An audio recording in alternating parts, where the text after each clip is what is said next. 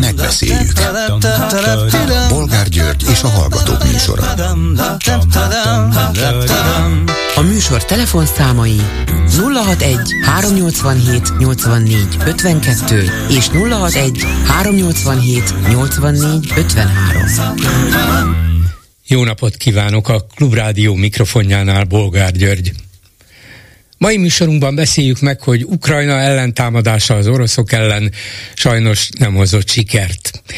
Igaza lesz Orbánnak, hogy Oroszországot az ukránok nem tudják legyőzni? És ha igen, ha igaza lesz, akkor majd jön az a bizonyos Orbán által sürgetett béke? De az vajon milyen lesz, és mikor? Következő témánk, hogy eközben a kormány a háborúra készül. A honvédség például nem csak fegyvereket, de lélegeztetőgépeket is vásárol, holott a raktárakban 17 ezer porosodik. Hát talán annyi lélegeztető gép van, mint amennyi fegyverben álló magyar katona. Ráadásul a honvédségi közbeszerzésben 3,6 millió forintért vesznek egy gépet, miközben a Covid alatt ennek 15-szörösét fizették ki egy darabért. Kik? Kik a felelősek? Soha nem fogjuk megtudni. És az hogy lehet, hogy jelenleg nincs Covid elleni vakcina Magyarországon, és az illetékes hatóság, minisztérium egyetlen szót sem hajlandó szólni arról, hogy kell-e ilyen oltóanyag, kinek kellene, és lesz-e valamikor. Mit szólnak ezen kívül ahhoz, hogy le akarják bontani a Magyar Rádió híres épületeit, mert oda telepítenék a Pázmány Egyetem új kampuszát.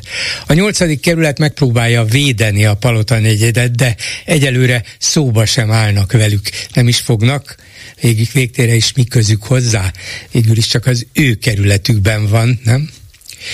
És végül beszéljük meg, hogy a Fidesz által bekebelezett indexportál érdekes cikket tett közé arról, hogy a Vinyánszki Attila vezette Nemzeti Színház előadásain is megjelenik homoerotikus tartalom, és nem csak 18 éven felülieknek. Majd mostantól ki fogják tiltani a fiatalokat? Vagy repül Vinyánszki is, mint előtte El Simon László. Jó lesz vigyázni? Telefonszámaink még egyszer 387 84 52 és 387 84 53. Háló, jó napot kívánok! Jó napot, Bolgár úr! Szalai Sándor vagyok Nagykátáról, és a első témához szeretnék hozzászólni, ez a ukrán-orosz konfliktusnak a Orbán általi megítéléséhez. Igen. Hát én, én szerintem már igaz, hogy Ukrajna most ebbe a támadás sorozatba nem tudott átütő sikert elérni, de viszont az, hogy már két éve lassan kitart, amikor a háború elején az volt a feltételezés, hogy néhány nap vagy egy-két hét alatt egész Ukrajna elbukik, ahhoz képest szerintem ez, ez, ez nem nevezhető sikertelenségnek egy, egy, egy sokszoros, sokszoros túlerőben lévő nagyhatalom ellen.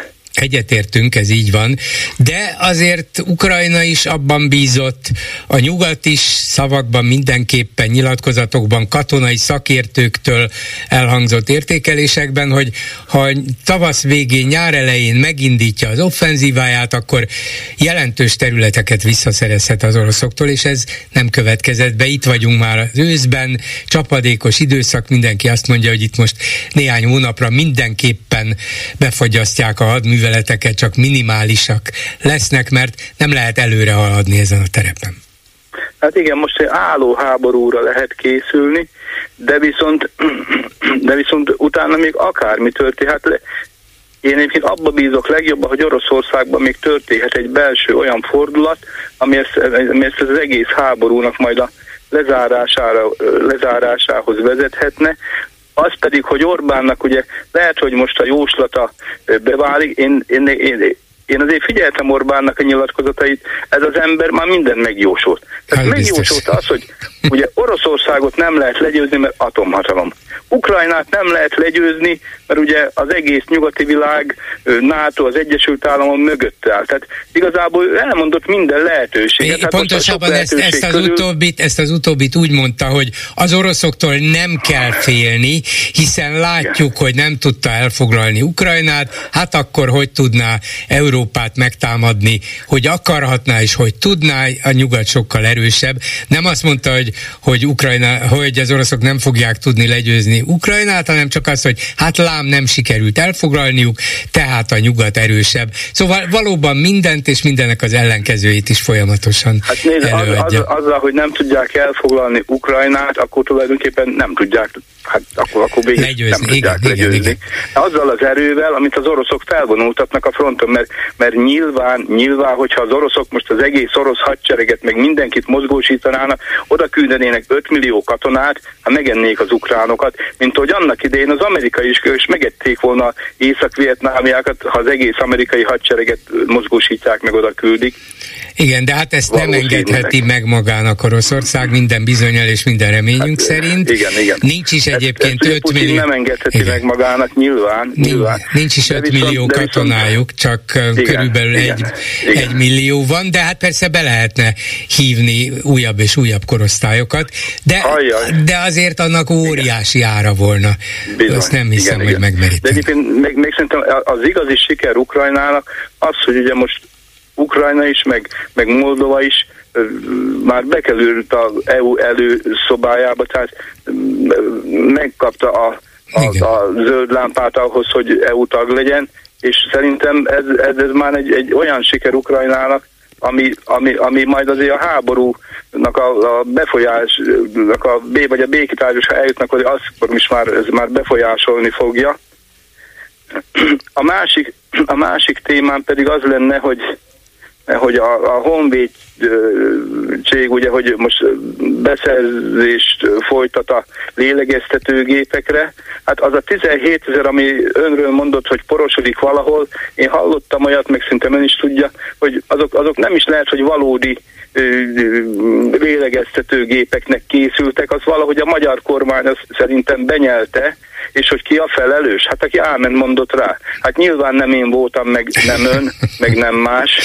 Nyilván, Ez nyilván. I- igen, ezek bizonyos horkolásgátló, vagy, vagy alvást és légzés segítő készülékek, legalább egy részük, nem mindegyik, tehát vannak igazi lélegeztetőgépek is, de hogy horribilis áron vették, és olyan mennyiségben, ami, amilyen mennyiségben senki sehol a világon Szóval ez valami olyan abszurdum volt, egyrészt nyilván pánik, másrészt pedig nem számít semmi, se pénz, se semmi, és majd elintézzük egyébként, ezen is lehet, ezen is lehet keresni. Valahogy ez volt így együtt. Ez, ez pontosan így van. Itt 100, 100 milliárdok úsztak el, ami most ugye a költségvetésnek, ennek a lyukas költségvetésnek, foltozott költségvetésnek, most hogy hiányzik az a pénz, most őszintén. És akkor ráadásul még ennek a, ennek a, a, az őrzése, raktározása, állagmegolvása megint csak viszi a milliárdokat.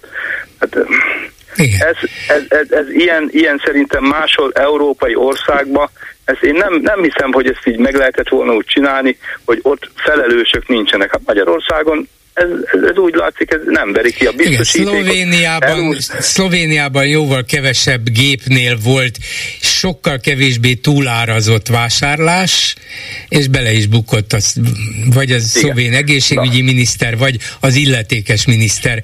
Úgyhogy igen, máshol ebbe belebuknak. Igen. igen. A, a Magyarországnál jóval-jóval gazdagabb Nagy-Britannia tizedáron szerezte be, én emlékszem rá ezeket a gépeket, hát valószínűleg nem is ugyanezeket a típusokat, tizedáron tudta megvenni. Itt Magyarországon itt nem számít. Szijjártó Péter csinál egy ez a nagyon hozzáértő külgazdasági külügyes, ez csinál bármilyen üzletet, nincs, nincs következménye. Nincs. Semmi következménye nincs. Orbánnak a jobb keze, Orbán áment mondott rá, akkor annak úgy kell lenni, ez egy következmények nélküli ország lett 2010 óta, és egyre jobban az az a baj. Hát sajnos így van, és ha ez így marad, ha a Fidesz így marad kormányon, ki tudja még hány évig vagy Igen. évtizedig, akkor soha nem is lesz következménye. Igen. Köszönöm szépen, Én viszont hallásra. viszont hallásra. A telefonnál pedig Balázs Péter volt külügyminiszter. Jó napot kívánok! Jó napot kívánok! Azért, mert olyat olvastam Schmidt Máriától a közmédiában lévő blogjában, az úgynevezett látószög blogban, amilyet én tulajdonképpen Magyarországon hát a legelvetemültebb, legszélsőségesebb összke, összeesküvés mm, előadók és konteó ismétlők körén kívül sehol senkitől, szóval komolyan vehető ember, aki külpolitikával vagy nagypolitikával foglalkozik, ilyeneket Magyarországon le nem írt, szerintem a nyugati világban sem. Mondom, az összeesküvés elméletek kitalálóin és terjesztőin kívül. Szóval csak, hogy a hallgatókat egy kicsit beavassam, ott kezdődik, hogy és ez az ő szóhasználata, hogy Biden elnök Oroszország elleni háborújának fő célja elvesztett jussaik, tehát az amerikai jussok, vagyis az orosz nyersanyag kincs és piac visszaszerzése. Számukra ezt jelenteni Oroszország amerikanizálása, amihez Putyin megbuktatásán keresztül vezet az út, amíg ezt el nem érik, Ukrajna feletti uralmukat sem tudják bebetonozni. Hát szóval a háborút az amerikaiak robbantották ki, mert Oroszországot a saját nyersanyag kiszolgáló, szállító, beszállító, szolgáló lányukká akarják lefokozni. Jól kezdődik, nem? Hát én magamtól nem olvastam volna el ezt a bejegyzést, de miután a Klubrádió megkért, hogy mondjak róla néhány dolgot, kénytelen voltam elolvasni. A gyanútlan olvasó azt hiheti, hogy ez egy elemzés.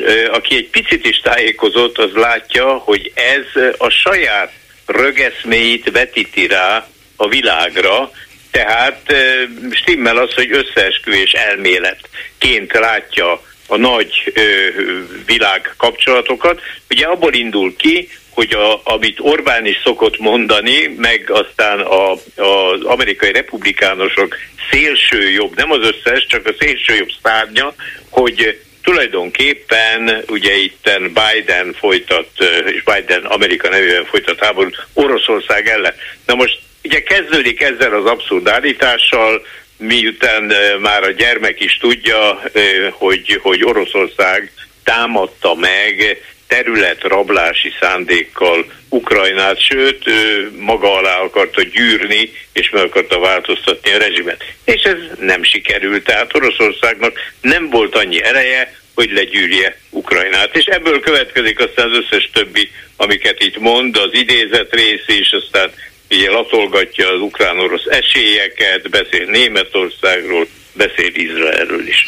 Hát igen, az egész, végül is az egész világot itt összehordja néhány, néhány rövid oldalon, de azért meghökkentő ez a dolog, és aztán még menjünk bele néhány részletbe, mert Schmidt Mária nem egyszerűen Orbán Viktor egykori tanácsadója, és nem egyszerűen a Terrorháza Múzeum főigazgatója, mert hát írhat akármit, terrorról sok minden az eszébe juthat, hanem az elmúlt hetekben két fontos, vagy fontosnak nevezhető nemzetközi tárgyaláson is megjelent. Az egyik ott volt a magyar delegációban Pekingben. Ugye Orbán Viktor az Európai Unió egyetlen vezetőjeként itt jelen volt ezen a nagy konferencián, ez az úgynevezett Sejemút konferencia, ahol Putyinnal is találkozott, és ott volt a delegációban Schmidt Mária. Majd a türk tanácsnak a minapi ülésén Kazaksztánban szintén. Vagyis én nem tudom, hogy formálisan tanácsadó lette megint, vagy sem, külpolitikai écezgéber, vagy akármi, de hogy ott van Orbán mellett, az biztos. Tehát ezeket nyilván neki is előadja. Ezek a tanácsok, amiket Orbán Viktor kap, hát akkor sok jóra nem számíthatunk. Hát ugye az ilyenfajta szomárságoknak, amik ebben a blogban le vannak írva, van bizonyos veszélye. És ugye Schmidt Mária személyén keresztül gyanítható, hogy Orbán hallgat rá, sőt kedveli a, a, az értékeléseit, elemzéseit, ilyenkor tehát egy, egy nagyon fontos döntéshozó politikust befolyásol hamis következtetésekkel, és a másik hatás az, hogy ugye ez egy hozzáférhető internet blogon jelenik meg, sokan elolvassák, és elhiszik elhiszik, hogy ezek az összeesküvések léteznek, és azt gondolják, hogy így valamilyen megoldást kaptak a kezükbe, amivel meg tudják magyaroz, magyarázni a világ folyamatait. De hát az a dolog, hogy Biden indította ezt a háborút Oroszország ellen, egy dolog, bizonyos hát gondolattársításokkal, meg különböző logikai bakugrásokkal még akár idáig is el lehet jutni, főleg ha az ember kellően Amerika ellenes, de hogy aztán folytassa azzal, ami tényleg csak a legszélsőségesebb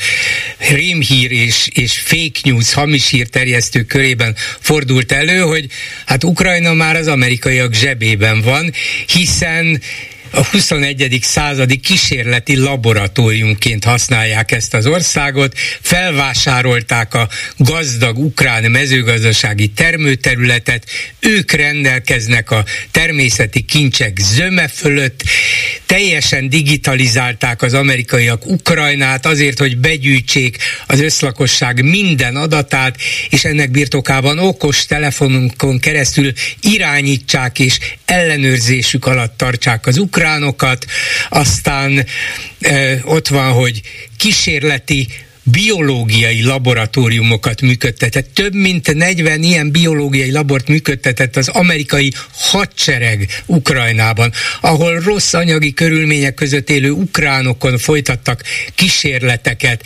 étszel és koronavírussal kapcsolatban, és így tovább. Hát a legszörnyűbb hamis hírek sorozatát adja elő a magyar miniszterelnök feltételezhető tanácsadója. Én rosszul vagyok. Szóval Putyin sajtósai valószínűleg örömmel fordították le ezt az orosz elnök számára, mert valamivel ellensúlyozni kell az, hogy nem bír Ukrajnával. Ugye nem, nem tud az eredeti tervét végrehajtani, de egy sor öngolt rúgott, mert a NATO-t akarta visszanyomni, ehelyett a NATO-t megerősítette, a NATO bővül, a NATO-nak egy nagyon fontos új pillére, bázisa épül ki, ugye Lengyelország, a Baltiak és Ukrajna körzetében. A NATO a Balti tenger tulajdonképpen szinte teljes egészében ellenőrzése alá vette, és meg lehet folytatni, ezek mind közismert dolgok. Ugye azt nem tudja Putyin és az őt kiszolgáló kommentátorok köztük Schmidt Mária lenyelni, hogy Ukrajna, amely legközelebbről látja az orosz belső helyzetet, ennek tudatában a nyugati demokráciát, a piacgazdaságot, az EU tagságot és a NATO tagságot választotta. És ennek az országban a mai napig Ukrajnában többsége van. Amit Schmidt Mária a múltról és a jelenről, mint tényről ír, hát az egy, egy dolog, és hát egészen meghökkentő, tényleg az ember nem hisz a szemének. De amit a jövővel kapcsolatban megenged magának, hát arra azt lehet mondani, hogy jó, hát vagy így lesz, vagy nem, de az ő feltételezése és hát jóslata szerint Európának mindenképpen vége. Ha az ukránok győznek, akkor azért, mert, mert akkor Amerika győz, és, és teljesen maga alá fogja rendelni ezt a szerencsétlen gyenge Európát, hiába vesz részt Európa jelentős részben is, jelentős mértékben Ukrajna megsegítésében. Ha pedig Oroszország győz, akkor bizony az, egy, az európaiak különösen meg fogják ezt sínyleni. Hát Németország, az tudjuk, hogy Schmidt Mária szerint már nem is létezik, létezik, de ők aztán mindennel a legtöbbet veszítik, Németországnak vége. Szóval tényleg ez a két lehetőség van? Ha az oroszok győznek, akkor Amerika fennhatósága alá kerülünk, vagy ha az ukránok győznek, Amerika fennhatósága, ha az oroszok győznek, hát akkor viszont elvérzünk, mert, mert nincs, nincsenek erőforrásaink, Amerika is sérül, és az oroszok is irányítani fognak, szóval Németország pedig cselekvésképtelen. Ez, ezek no, a hát, reális... Mondjuk ez az egész ö, zagyvaság nem sok szót érdemelne, de azért a szóhasználat eleve vakvágányra viszi a dolgokat. Ukrajna nem akar győzni, nem akarja legyőzni Oroszországot. Ukrajna a szuverenitását szeretné helyreállítani a saját területén, és a, az agresszort onnan kitessékelni. Nem akarja legyőzni Oroszországot. Ezzel szemben Oroszország le akarta győzni Ukrajnát, csak nem sikerült neki, és orosz értelmiségiek írtak már arról, hogy, hogy Oroszország évtizedekig párja marad a nemzetközi kapcsolatokban, mert amely ország katonái olyan mészárlásokat hajtanak végre, mint mondjuk Bucsában történt a világ szemelátára, e, amely lábbal tipor nemzetközi egyezményeket, sőt az egész rendszert, az ENSZ rendszerét, ugye azzal nagyon-nagyon elővigyázatos lesz mindenki, nem fognak neki hinni. A szavának nincs értéke, mert, mert bármikor megszegi, tehát Oroszország már eleve vesztesként jön ki a mai napig is, nem beszélve a folytatásról, Hát aztán, ami itt Németországról szerepel, hogy a politikai vezetői képzetlenek és tudatlanok, szeretnék én olyan politikai vezetőket látni. Magyarországon, mint akár a jelenlegi, akár a megelőző német kormány minősége, felelőssége, együttműködési kapacitása.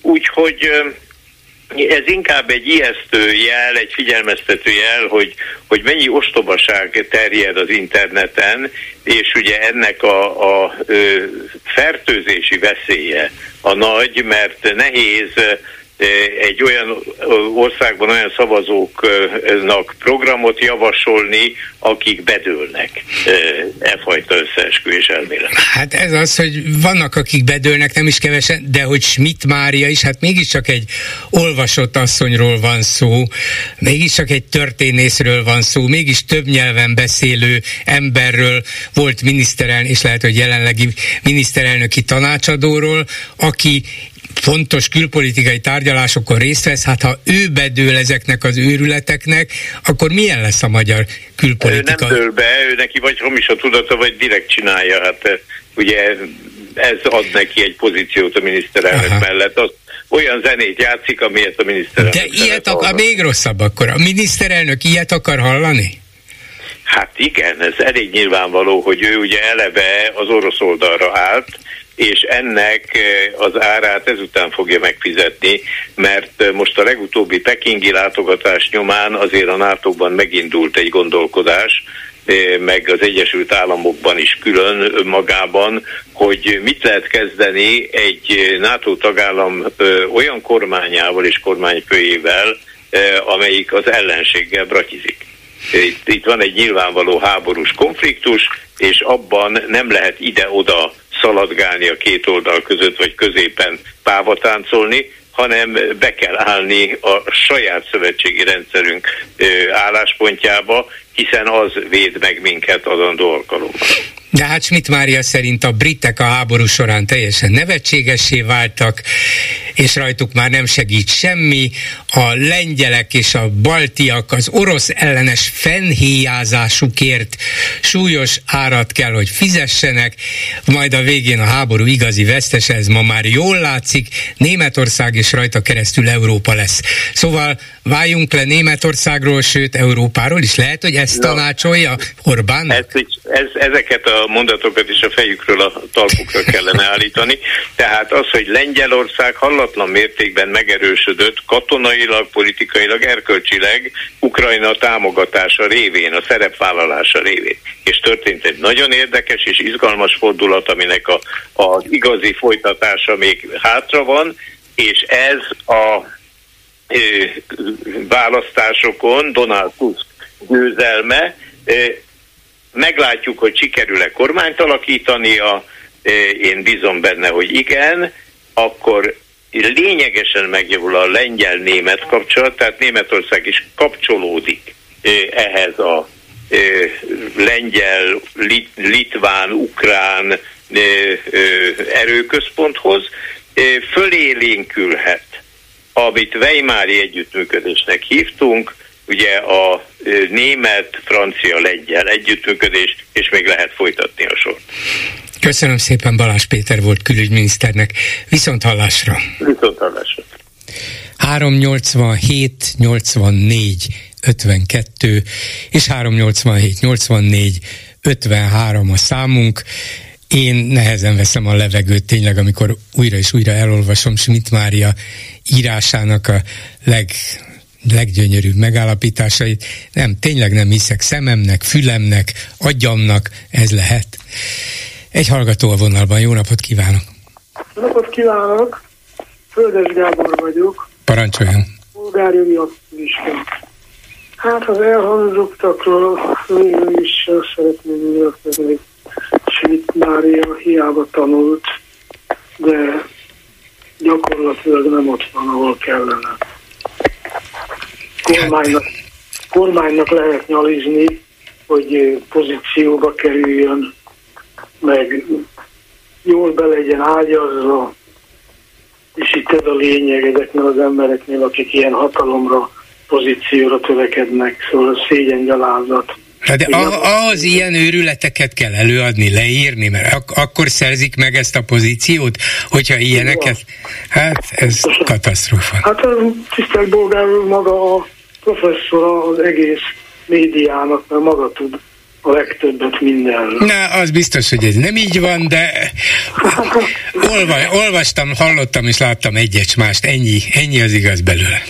Meg amit még szerettem volna mondani, hogy a Fidesznek most van egy olyan taktikája az ellenzéki képviselőkkel, meg vezetőkkel, hogy, hogy arra törekszik, hogy leigázza a mentelmi jogukat, hogy el lehessen őket ítélni, és ezáltal ki lehet őket söpörni kit akarnak éppen kikészíteni? Van erre valami konkrét híre, hát, vagy információ? Eddig ugye a Varjú Lászlót is kikezdték. Hogyne, hát az már évek óta zajlik, az a, ő támadta meg a, a köztelevízió biztonsági őreit. Nem őt rángatták le, nem, nem őt dobták ki, hanem ő dobta ki a biztonsági embereket. Igen, ezt fogják rá, ami nem igaz. Hát én nekem megvannak erről a felvételeim, amit elküldtem a EU emberjogi bíróságnak, úgyhogy még válasz is jött rá, hogy hogy nagyon kőkeményen vizsgálják ezt az egész esetet, hogy egy médián belül olyan felvételeket tudnak rögzíteni, ö, ami, amilyet akarnak a, a Varjú Lászlóval szembe, ami teljesen törvénytelen és koncepciós eljárás. Úgyhogy Magyarországon ez ától végig folyik. Most én is kaptam egy koncepciós pert, két év, hat hónap, 50 ezer forint büntetés, semmiért. Ez úgy igaz, ahogy mondom. Na de mi volt ez a semmi, amit mégis megneveztek a, az ítéletbe? Hát az, az, hogy Sára Botonnak a titkárnőjének azt mondtam, mert én számvizsgáló elnökként dolgoztam egy társasháznál, és, és könyvelők, közös képviselők, vállalkozók, mindenki megbukott az én munkám által ugye mert én kinyomoztam, hogy itt mi folyik, mennyit loptak el, mennyit sikasztottak. Vittem be az íratanyagot, és ez, ez a titkárnő, ez engem kikezdett. Elkezdett engem provokálni, mikor ugye a kezébe adtam az iratokat, meg minden, mert volt az iratok között olyan, olyan személy, aki az ő hatáskörébe volt, ismerte és védte és mosta. Uh-huh. És végül ön mit mondott neki? Én azt mondtam neki, mondom, hölgyem, önnek annak azzal kellene foglalkozni, hogy mennyi önkormányzati lakást nyertek be, és vágták zsebre a nép pénzét, a nép vagyonát. És ezért kapta meg ezt a büntetést, hogy ezért azt feltételezte, a... hogy ők lopnak.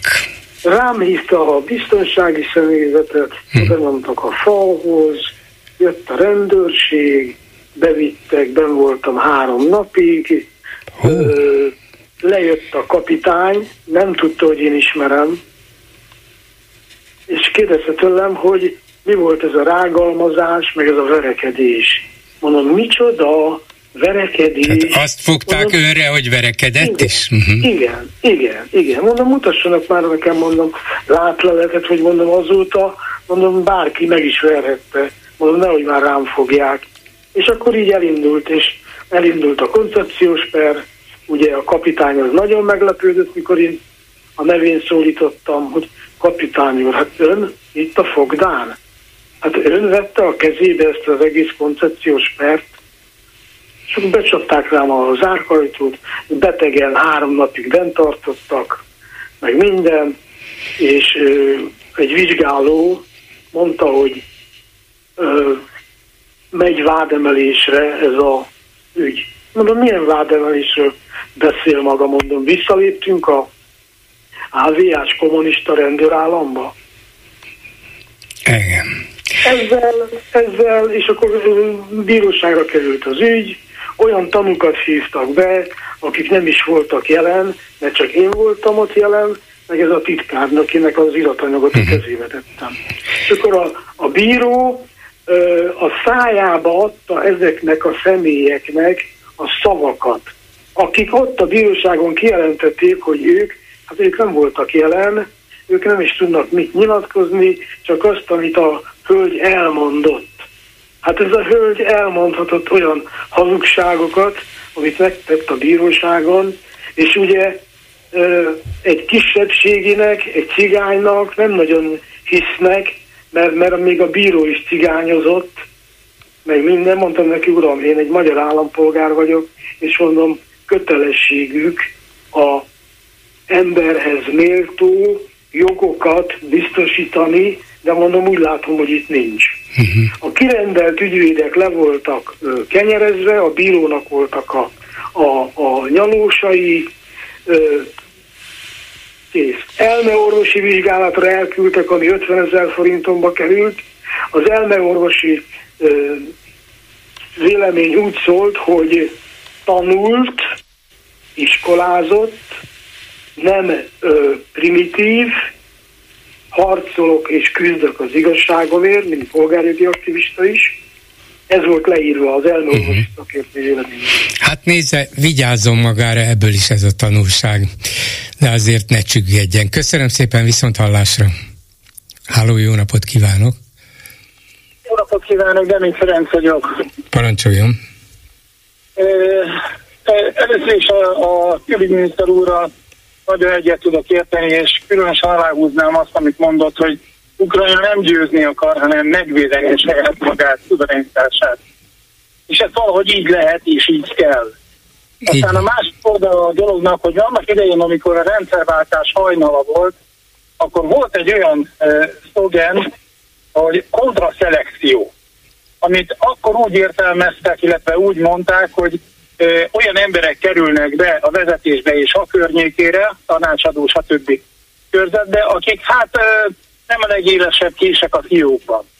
Most én úgy látom, hogy itt a, a, a Zorbán környezetében pontosan ilyen emberek, egy ilyen kontraszelekció nem hogy kialakul, hanem erősödik. Mert eddig is ez volt, de ez most nagyon komolyan erősödik. És azért én nem szeretek emberek testi jellemzőjével viccelődni, de aki szemmel néz a világra, nyilvánvalóan ilyen ak- akkor, ne, akkor ezt ne is tegye, nem szeret, akkor ne is tegye. De nem, nem, ez, ez, nem ez a baj. Ezt értelemben mondom, tehát Értem. én nem karikíroznám ezt, de valóban így érzem, hogy, hogy aki ilyen szemüvegen keresztül, akkor így mondom, ilyen szemüvegen keresztül néz a világra, az persze, hogy ilyen butaságokat tud leírni. De én azt nem értem, hogy hogy nézhet ilyen szemüveggel, vagy így hogy nézheti ezzel a szemüveggel a világot. Hogy, hogy lehet az, hogy az amerikaiak akarják itt leigázni Oroszországot, miközben egy tény, hogy a második világháború befejezése után kialakult egy szovjet-amerikai szembenállás, hidegháború, azóta is ennek rengeteg eleme megmaradt. Aztán rendszerváltás után az oroszoknál elindult valami demokratizálódás, az amerikaiak megpróbálták segíteni, aztán ez visszafordult, és Oroszország ugyanolyan agresszív imperialista hatalommá vált, mint amilyen volt. De hogy az amerikaiak akarják leigázni Oroszországot, Ukrajnát pedig már a magukévá is tették, és, és a legkülönbözőbb gyalázatos dolgot folytatják ott, és tönkreteszik az ukrán népet, hát én ilyet tényleg csak a legelvadultabb emberektől olvastam. Nem, nem gondoltam volna, hogy ezt, ezt Orbánnak egyik közelében. Nem hogy meg akarja ezt érteni, hát ezért de, de tényleg meg, akar... tényleg meg akarnám érteni, mert ezt, ezt egyszerűen nem, nem tudom követni. Hát ez nem kellene ahhoz, hogy valaki Orbán közelébe kerüljön. Ezt nem hiszem, nem akarom elhinni. Hát én nem szeretném megérteni, mert, mert ezzel, ezzel csak koptatnám az agyamat azt mondják, hogy a SZESZ az öli az agysejteket, én szerintem ez öli az agysejteket, a SZESZ az kevésbé. Igen, lehet, De nem is ez a lényeges, én igazán azt szerettem volna mondani, hogy én neked van egy megérzésem, és inkább egy ilyen fixa ideám, hogy ugye nagyon erősödik most a, a bővítés az Európai Unióban. Igény, most már egyre erősebb igény jelenik meg az európai haderő felállítására én nem tudom, de azt érzékelem, hogy Lengyelország, Ukrajna, Románia, ezek az országok nagyon erősek, és ha a többiekről, a régebbiekről Németország, aki, aki most már egyre több helyre telepít fegyvergyárakat, ami most éppen történik a grippenekkel kapcsolatosan, hogy összefog Dánia, meg más országok, hogy megtanítsák Ukrajnát ezeknek az eszközöknek a megfelelő kezelésére. Én el tudom azt képzelni, hogy, hogy Ukrajna Európai Uniós tagságának, és hát ugye a bővítés után meg fog alakulni az európai haderő, aminek oszlopos tagjai lesznek az említett országok. És hát akkor viszont nagyon érdekes igen. helyzet, politikai helyzet fog kialakulni ebben a kérdésben is. Igen, ez könnyen lehet, hogy így lesz. E, és szóval sok minden lehet ezután az orosz agresszió Igen. után, de azok az őrületek, amiket Schmidt Mária kifejtett, hát ez... ez... Hát ne haragudjon, amikor azt mondja, hogy Németország már kvázi nincs is, igen. Meg, meg ö, ott nincs internet, szóval, hát nem. Hát, Na, Nagy-Britannia Nagy sincs már, úgyhogy senki Ó, sincs hát már, csak persze, mi vagyunk. Persze csak mi, így ahogy mondja, a képcsap vezérek között. Igen. Köszönöm szépen. Jó. Én is köszönöm szépen a lehetőséget, minden jó. Viszont hallásra. A telefonnál pedig Flash Tamás, a Magyar Szállodák és Éttermek Szövetségének elnöke. Jó napot kívánok! Jó napot kívánok, üdvözlöm a hallgatókat is a magyar turizmusnak a jelek szerint elég jó éve van. Hát ha nem is kiugró, de olyan stabil növekedés van a statisztikai adatok szerint, és ennek akár örülni is lehet, gondolom majd ön el is mondja, hogy mik a pozitívumok, esetleg vannak-e negatívumok. Egy dologból induljunk ki, ami engem már akkor foglalkoztatott, amikor az atlétikai világbajnokságot többek között azzal próbálták indokolni, hogy itt ennek hatalmas turizmus bevétele lesz, közvetlenül is, meg közvetve is, ez nagyon meglódítja az idegenforgalmat, végül is a világ harmadik legnagyobb sporteseménye, hogy ez ingyen reklám Magyarországnak, és hogy jó sikerült ennek a megrendezése, az biztos, de ehhez nem feltétlenül kellett idejönni, bár akik idejöttek, megnézték, biztos jól érezték magukat, és dicsérték is, amit láttak. De a most nyilvánosságra került statisztikai adatokból bár kicsit zavarosak, az derül ki, hogy idén augusztusban, amikor az atlétikai VB zajlott, lényegében nem nőtt jobban a külföldi turisták itteni tartózkodása, sem az országban, sem Budapesten, mint ahogy az előző hónapokban, júniusban, júliusban, és nincs semmiféle kiugró növekedés, ami azt igazolná, hogy egy ilyen nagy esemény miatt majd tíz és százezrek özönlenek ide mi történne egyébként, mi, mielőtt ezt kommentálnám, mi történne, ha mondjuk 100-200 ezer emberrel több jönne ide egy kéthetes periódusban? Igen, igen el se férne, a 100-200 ezer emberrel több jönne ide ebbe a periódusba, tehát nem férne el Budapesten. Ugye augusztus hónap egyébként turisztikailag egy nagyon erős Budapesten, és amúgy is teltház közeli hónapok szoktak lenni, Szerintem ez rosszul olvassa mindenki ezt a statisztikát olyan szempontból, nem az a lényeges, hogy többen jöttek, hanem sokkal többet költöttek. Tehát összességében azt lehet mondani, hogy nekem nem tisztem megítélni, hogy mi éri meg, meg mi nem éri meg. Nekünk szállodásoknak mindenképpen megérte az atlétikai VB, hiszen nagyjából 20-25%-kal magasabb átlagáron tudtuk értékesíteni a szobákat, aminek természetesen adóvonzata is van, amit befizetünk az államkasszába, tehát összességében az ország is jól jár ezzel természetes módon. Több vendég ettől ebben a formájában nincsen, hiszen a teltházat váltotta le egy másik típusú teltház, de bevétel szempontjából egy kiemelkedő hónapot zártunk.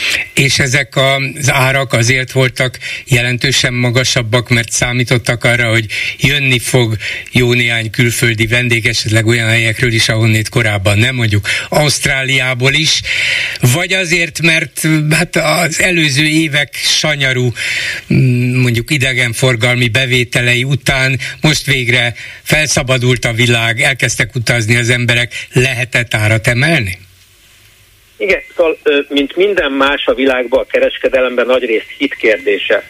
Ugye Budapest az atlétikai VB nélkül is tudna 25%-kal magasabb árat elérni, hiszen a városban bőven benne van, mi ezt több helyen hangsúlyozzuk, hogy jelenleg is azt gondoljuk a külföldiek tekintetében, hogy Budapest még mindig olcsó. Ugyanakkor, hogyha nincs meg ez a hitrendszer, hogy biztosan tudja a szállodaipar minden szereplője, hogy magas áron teltházat lehet csinálni, akkor nem meri olyan drágán árulni, nem meri úgy várazni, és alacsonyabb árakon vesznek vendégek. Abban a pillanatban, hogy egy ilyen esemény kerül megrendezésre a fővárosban, mint amilyen az atlétikai VB, de hát ilyen a Forma 1, vagy ilyen akár egy Európa Liga döntő, vagy egy nagyon komoly koncert, akkor mindenki biztos benne, hogy így is úgy is fog jönni rengeteg ember, tehát meri magasra tenni az árakat. Ez így működik kereslet-kínálat alapon, és ebben ilyenkor van egy hitrendszer. Itt már egy évre, meg másfél évre előre csapatok magasáról lefoglalták a szállodáknak egy nagyon jó részét, tehát az úgynevezett inventori vagy a szállodai raktár most nem a szállodának a raktára gondolkozok, hanem a szobai raktárkészletre, azt hamar fel lehetett tölteni már, és mindenki az utolsó szobáit, utolsó 30-40 százalékot nagyon magas áron adta el egyébként olyan turistáknak is, akik nem feltétlenül az atlétikai világbajnokság uh-huh. miatt jöttek Budapestre. Értem. A, olvasom itt a legfrissebb statisztikákat is, hogy szeptemberben még nagyobb mértékben nőtt a külföldi turizmus, mint augusztusban. Például a szeptemberi árak azok maradnak az augusztusi szinten, vagy ez már egy ilyen lecsengő, ha tetszik, a, a csúcsidőszak utáni őszi, őszi hónap, és ilyenkor lejjebb viszik az árakat. Igen. Budapest ilyen tekintetben más, mint mondjuk Magyarország többi része, hiszen itt külföldiek vannak. Szeptemberben szoktuk a legmagasabb árbevételt realizálni egész évben, hiszen szeptember egy nagyon jó hónap turisztikai szempontból, szabadidős turisztikai szempontból, de már nagyon jó hónap üzleti turizmus szempontból is. Tehát majd, hogy nem, ilyenkor a legmagasabb átlagár és a legmagasabb bevétel a városba, úgyhogy szeptember ezért egy erős hónap. Minden hónapnak más a dinamikája, és ugye az árazás, ez most ennyire technikailag bonyolult lenne elmagyarázni, és nem is kell a hallgatóknak, de ugye napi szinten áraznak a szállodák. Tehát van, hogy napon belül állítgatnak az árakon, tehát nem úgy van, mint a, a, a, az ABC-ből, hogy kiteszik a, az árut, és mondjuk 3-4-5 napig, vagy akár egy hónapig régebben ugyanaz az ár volt. Valaki megvette reggel 150 euróra a szobát, valaki meg este megveszi 200 euróra vagy 100 ér. Attól függ, hogy mi a stratégiája a szállodának. Tehát ilyen szempontból szeptember mind átlagárban, mind foglaltságban egy nagyon erős hónap, erősebb még, mint az augusztus. Aha, ez érdekes.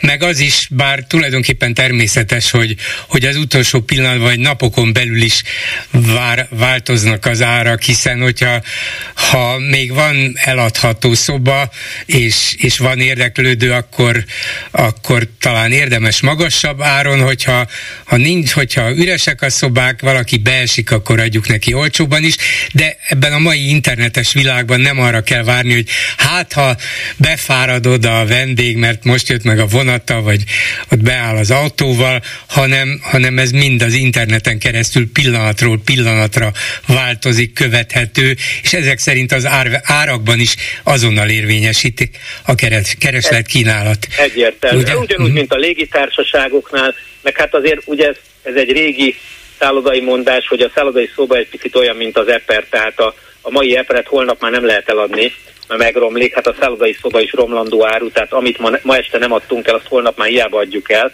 abból a tegnapra már nem, nem jött be a bevétel, úgyhogy ezért a szállodások, aki erre nagyon figyel, az próbálja a bevételét maximalizálni, és változó árakon a legnagyobb bevételt megtermelni. Uh-huh. Akkor egy picit menjünk távolabbra, mert én gyakran, vagy hát nem gyakran, de rendszeresen szoktam beszélni például egy ismert sportközgazdásszal arról, hogy ez a rengeteg sportinfrastruktúrális befektetés, stadionok, sportcsarnokok, egyebek arra mennek ki nyilvánvalóan, hogy legyen itt olimpia. De ahhoz, hogy olimpiát lehessen rendezni, nyilván a másik alapvető infrastruktúrális kérdés vagy feltétel az volna, hogy egy olimpiára érkező rengeteg versenyzőt, egyéb kisegítő személyzetet és a rengeteg látogatót, mert oda biztos jönnének százezer számra, valahol el lehessen szállásolni. Szóval a mai Budapesthez képest mi kellene mondjuk szállásokban, szállodákban, egyéb mm, szálláshelyeken ahhoz, hogy egy, egy olimpiára lehessen nyugodtan jelentkezni. Kérem szépen, itt bizony egyszerre akár több százezer ember is Budapesten és környékén elszállásolható. Igen, e, ezt a problémát már többen és többször megvizsgálták. Ugye, ha, ha ma szigorúan megnézzük Budapestnek a szállodai kapacitását, akkor ebben a formájában nagy valószínűséggel nem lenne elegendő egy olimpia megrendezésére silag. De ö, arra is azért vigyázni kell, hogy az olimpiának vége van, és utána ott marad rengeteg üres szálláshely, ez komoly gazdasági problémát okozhat a piacon. Ö, ezt folyamatosan kell vizsgálni, de akkor, amikor ez, ez, ez szóba került, akkor azt is megnéztük itt többen közgazdászok, állami tisztviselők és mi szállodások is, hogy milyen alternatív megoldások vannak azzal kapcsolatban, ami esetleges olimpia idejére megvalósítható, és utána nem okoz egy túl ö, ö, kapacitást a piacon. Ilyenek lehetnek például a Budapestre a Dunán lehozott szállodahajók ö, Európa több részéből, hiszen ugye nekünk egy fantasztikus adottságunk van, hiszen a, a Duna kettészeli Budát és Pestet, és ilyen formában a Dunaparton rengeteg szállodahajót tud kikötni, és itt sok ezer, tízezer embert is el lehet szállásolni, attól függ, hogy mennyi szállodahajót lehet a Dunán lehozni egy olimpia idejére. Tehát van egy jó pár alternatív megoldás arra is, hogy valami itt áll abban három hétre, hétben e, a vendégeket elszállásolja, és utána távozik. Tehát ennél azért egy jóval bonyolultabb probléma ez. Jelen pillanatban a mai kapacitás így ebben a formájában nem elegendő, de nem lehetetlen megvalósítani szállodai oldalról. Egyéb másban én nem tudok véleményt mhm. formálni. A legnagyobb sportrendezvény, ami a legtöbb embert vonza elsősorban külföldről, az egyértelműen a Formula 1 autóverseny? Nálunk Budapesten? Igen, igen, igen. Igen, hát ugye ez azért most már egy nagyon komoly hagyományra visszatekintő esemény, és volt egy-két év, amikor picit kevesebb volt a, a, a vendégforgalom, de mindig kiemelkedő vendégforgalmat hoz a form, Forma egy nagyon magas sáron, tele van a város, és és én azt gondolom, hogy nem elég hangsúlyozni azt a bevételt, amit talán ön a bevezető elején is mondott, a marketing szempontból ezeknek az eseményeknek az év többi hónapjára, meg a következő egy-két évre nagyon komoly haszna van. Tehát amikor az első úszó világbajnokságot, vizes világbajnokságot rendeztük, akkor a következő egy-két évben abszolút lehetett érezni, hogy akik látták, hogy mondjuk egy toronyugró a parlamenttel szemben ugrik be a, a Dunába lévő medencébe, meg az ország többi részén ezt megfigyelették, vagy akár ilyen volt a, most a Giro d'Italia, amikor az Andrási úton végigmentek, vagy a atlétikai VB-n a maraton, azért ezeknek egy olyan komoly marketing értéke van, ami komoly vendégforgalmat tud hozni, és nem csak abban az egy-két évben direkt, hanem később indirekt módon is le tud csapódni a magyar turizmusban. Apropó, turisták nem keresik ezt a bizonyos óriás toronyugró helyet, hogy na, azt, azt megnézném azért a parlamenten szemben? Nem, nem hallom, biztos, hogy van ilyen, mert mindent keresnek a turisták, nem hallottam róla, de én, én azt gondolom, hogy minden magyar embert jó érzése járt át az augusztusi VB idején is, amikor hosszú perceken keresztül mutatták, hogy az Andrási úton futnak a maratonfutók a hősök terével együtt, az egy, az egy jó kép volt, és szerintem ha valaki azt látta, akkor egész biztos vagyok benne, hogy kedvet kapott, hogy itt ősszel vagy jövő tavasszal meglátogassa Budapestet. És hát nem beszélve arról, hogy, hogy mondjuk a decemberi karácsonyi vásárok, amik remélhetőleg mindenhol az egész világba és Európába is békébe fognak telni, azoknak most már elképesztő vonzereje van. Tehát én emlékszem rá, amikor jó pár évtizeddel ezelőtt a december egy üres hónap volt a budapesti szállodák életében, most meg decemberben hétvégére szinte nem lehet szállodai szobát kapni Budapesten. Hát így változik nem csak a klíma, mert hogy talán enyhébb is a december, hanem az utazási szokásaink, a, a, akár a vásárlási, akár a kulturálód, és az, hogy könnyen, viszonylag olcsón lehet repülőjegyeket kapni, elutazni, egyik nap megyek, másik nap jövök, igen. Hát változik a világ. Úgyhogy köszönöm szépen Fles Tamásnak, a Magyar Szállodák és Éttermek Szövetsége elnökének. Viszont hallásra! Én is köszönöm viszont hallásra! Háló, jó napot kívánok! Jó napot kívánok, én vagyok a vonalban? Igen, tessék. Dévusz Attila vagyok, jó napot kívánok, eh, bolgár úr. Hát én megdöbbenve hallgattam ennek a szegény embernek a történetét, hogy, hogy a Sára Botont eh, titkárnőjén bevitt egy iratot, és utána három napig fogdába küldték. Hát ez körülbelül rákos időkre emlékeztet. Eh, hozzájárulnék azért egy saját történettel, hogy milyen országban élünk jogilag.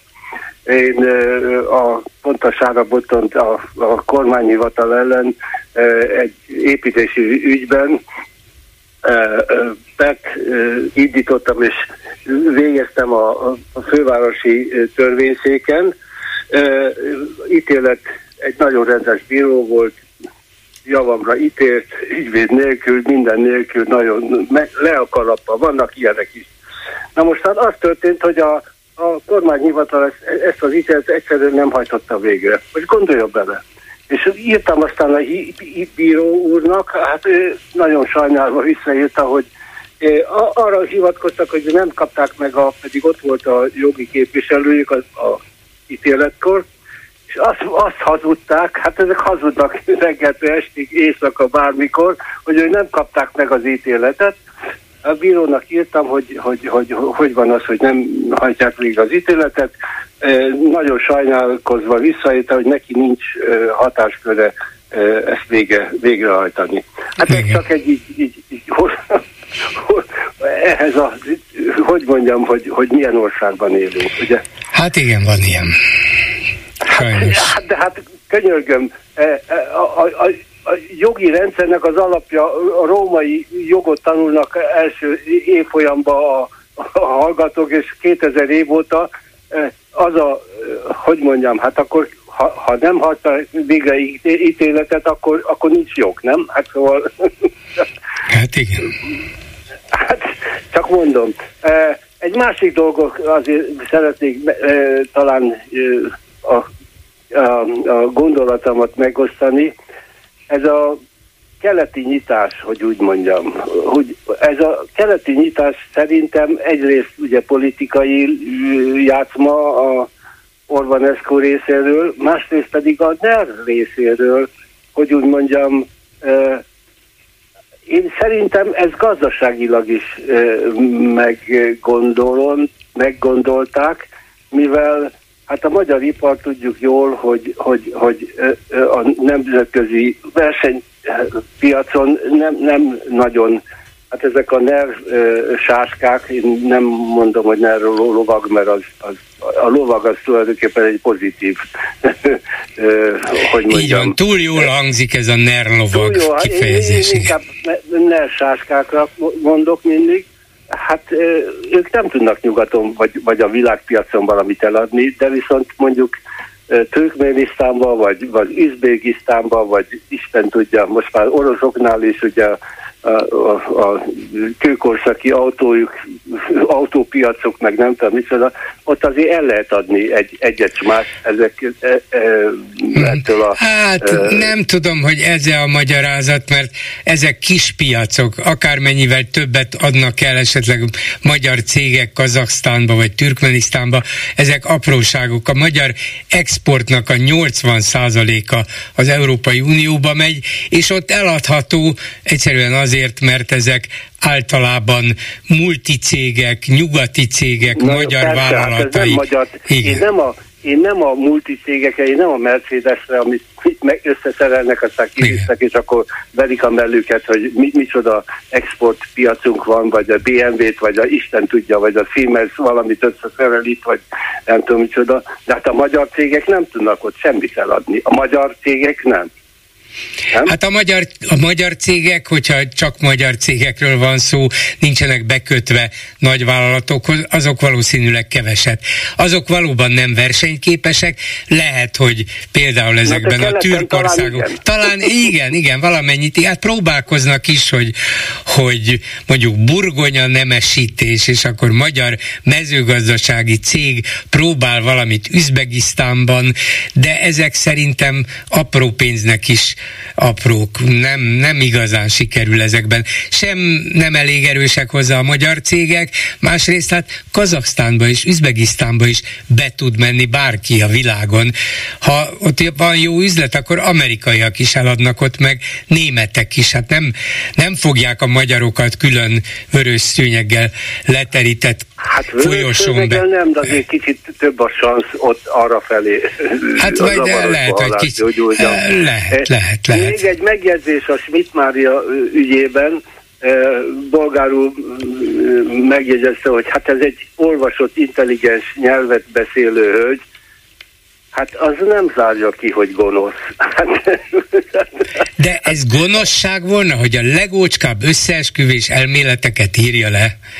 Hát persze, hát, hát ez, a, ez, ez, a, ez a Fidesznek a, a, a, a taktikája. Hát, hogy, hát, ezt kell terjeszteni kiáll, itthon, igen, igen, igen, biztos. Hát milyen gonoszság kell ahhoz, hogy a Lázár kiáll Bécsbe, ami nem tudom, 15 éve már a világ legélhetőbb városa, és azt mondja, hogy itt már itt, itt, itt, itt már nem lehet élni, meg nem tudom. Hát, és, és, és a Fidesz nyákok ezt elhiszik. És a Schmidt, hát... Igen, hát ha, ha leírja hát a... nekik a Schmidt Mária valóban, hogy hú, az amerik, titkos amerikai laboratóriumok kísérleteztek az ukránokon, meg fölvásárolták az összes földjüket, na és persze ez az olcsó ukrán gabona, akkor már tudjuk, hogy miért árasztotta el Magyarországot, és miért teszi tönkre a magyar termelőket. Igen, így állnak ezek össze könnyen lehet, hogy önnek van igaza, hogy ezeket szándékosan terjeszteni kell, még akkor is, hát ha persze. tudják, hogy nem igazak, mert egyre többen fogják elhinni, egyre többen lesznek Amerika ellenesek, orosz barátok, Így ukrán van. ellenesek. És a, a legutolsó, legutolsó koszos faluban is megkapja a Fideszes polgármester, hogy, hogy ezeket a szövegeket kell mondani. Kész. És, Igen. hát Igen. Ez, ez, ez, ez, ez, ez, ez teljesen világos, hogy, hogy, hogy, hogy, hogy ők, ők, ők, ők mindent bevetnek, hogy mondja. Az össz legut, legutolsó ö, ö, hazugságokat is, és hát a Göbbels megmondta, hogy csak eleget kell mondani, és akkor majd elhiszik. De vajon miért nem hagyja ezt Schmidt Mária a legócskább, legszélsőségesebb újságíróknak? Hát um, um, egyszerűen nem értem, hogy hát, azok hát, megírják, akkor is elterjed. Hát most megint ben van a, a Pixisbe, ugye egy ideig ö, kikerült egy kicsit, egy kicsit, kicsit, ugye nem lett már ö, fő tanácsadó, ö, most megint lesz ugye ezekkel a hazugságokkal. Hát, ö, és a, ha az ember belegondol, hogy a harmadik birodalomban volt egy csomó bunkó, mint itt Magyarországon is, de volt egy csomó intelligens ember, és ugyanúgy részt vettek a hitleri gazemberségekben, úgyhogy ez Hát az igen, igen, van, igen. Az olvasottság meg a, meg a tanultság az nem zárja nem, ki, Nem, valaki... nem, önnek igaza van. Úgyhogy, na minden jót. Köszönöm szépen, Bolgárul, viszont hallásra minden jót. Igen. mindenkinek. Minden, minden jót, viszont hallásra. Viszont hallásra. 387 84 52 és 387 84 53 a számunk. A telefonnál pedig Róna Péter közgazdász, jogász. Jó napot kívánok, jó estét kívánok! Már Nagy-Britanniában, Oxfordban gondolom egy kicsit világosabban, és inkább dél, egy órával inkább délután, nem? Igen.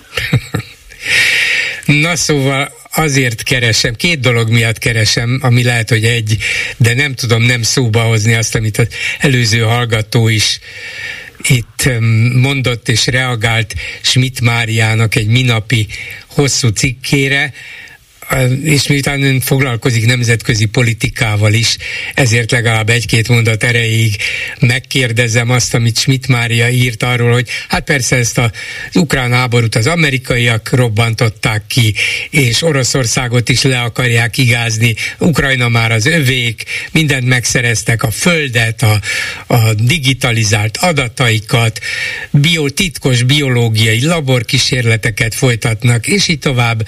De miután ön Oxfordból beszél, azt írja Schmidt Mária, hogy a britek a háború során teljesen nevetségesé váltak, és egyre inkább úgy tűnik, hogy rajtuk már nem segít semmi. Most van elég baj a Nagy-Britanniának, ez igaz, de tényleg nem segít már rajtuk semmi? Hát nézem, eh, amikor az ember elér egy olyan kort, mint amit én elértem, most már 81 éves vagyok, akkor az a helyzet, hogy az idő inkább nem, nem múlik, hanem fogy. És mivel az idő fogy, az ember körültekintően dönt arra, hogy mivel foglalkozzon és mivel nem. És mit Mária nem tartozik azok közé, akivel én foglalkozni kívánok. Ez jó, csak ugye látja az ember Orbán mellett Pekingben, ahogy ott áll a Putyin találkozó előtt egy sorba állítva a magyar résztvevőket, ott van a türk tanács ülésén, és az ember azt gondolja, hogy ezekkel a nézetekkel, ezekkel az üzenetekkel Orbán füléhez ilyen közel lehet jutni, ezt akarja hallani? Hát nem tudom, ez, én, szóval nézze, ez az egész társaság nagyon távol áll tőlem. Én nem is kívánom őket minősíteni, nem kívánok velük foglalkozni. Én nem tartom Schmidt Máriát olyan, mondom, olyan személynek, akinek a megjegyzéseivel, megnyilvánulásával érdemes lenne a figyelmet fordítani. Jó, értettem, nem is ezért hívtam, hanem Igen. azért, mert meglehetősen ellentmondó hírek érkeznek arról, hogy akkor most az Európai Unió hajlandó-e feloldani a Magyarországnak szánt támogatás befagyasztását, vagy kénytelen feloldani, mert Orbán eredményesen zsarolja az uniót, mondván, hogy nem fogtok költségvetési bővítésre magyar szavazatot kapni, és nem fogjátok tudni megsegíteni Ukrajnát az én szavazatom nélkül, én pedig csak akkor szavazok erre, hogyha feloldjátok a, a magyar támogatások befogyasztását.